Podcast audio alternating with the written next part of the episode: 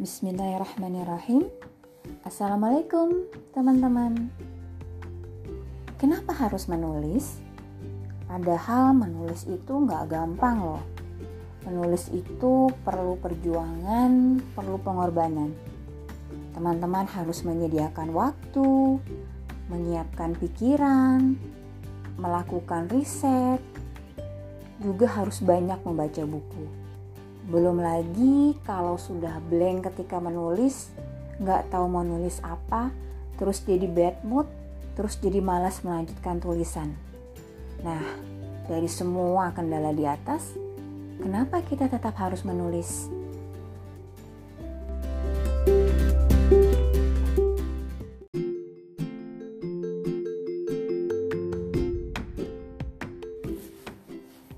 Saya mendapatkan pencerahan dari salah satu penulis yang membuat saya menambahkan satu poin lagi alasan kenapa saya harus menulis.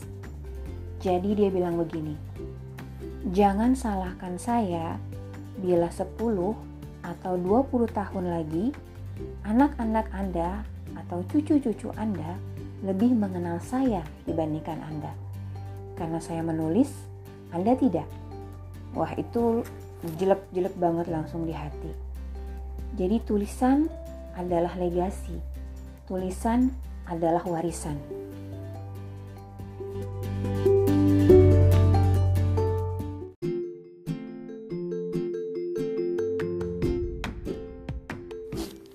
Alasan lain kenapa harus menulis? Karena sebagai manusia harus ada manfaat yang kita berikan. Harus ada kebaikan yang kita bagikan dan menulis adalah salah satu wasilahnya.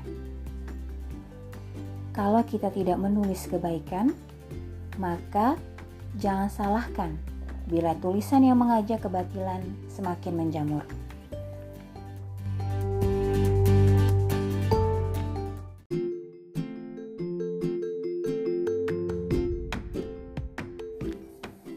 Kita hidup di dunia sementara apa yang akan kita tinggalkan dan bisa menambah amal kebaikan saat kita sudah pergi?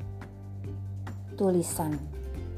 Insya Allah, tulisan kita akan tinggal dan menghasilkan pahala jariah ketika orang lain mendapatkan kebaikan dari tulisan kita.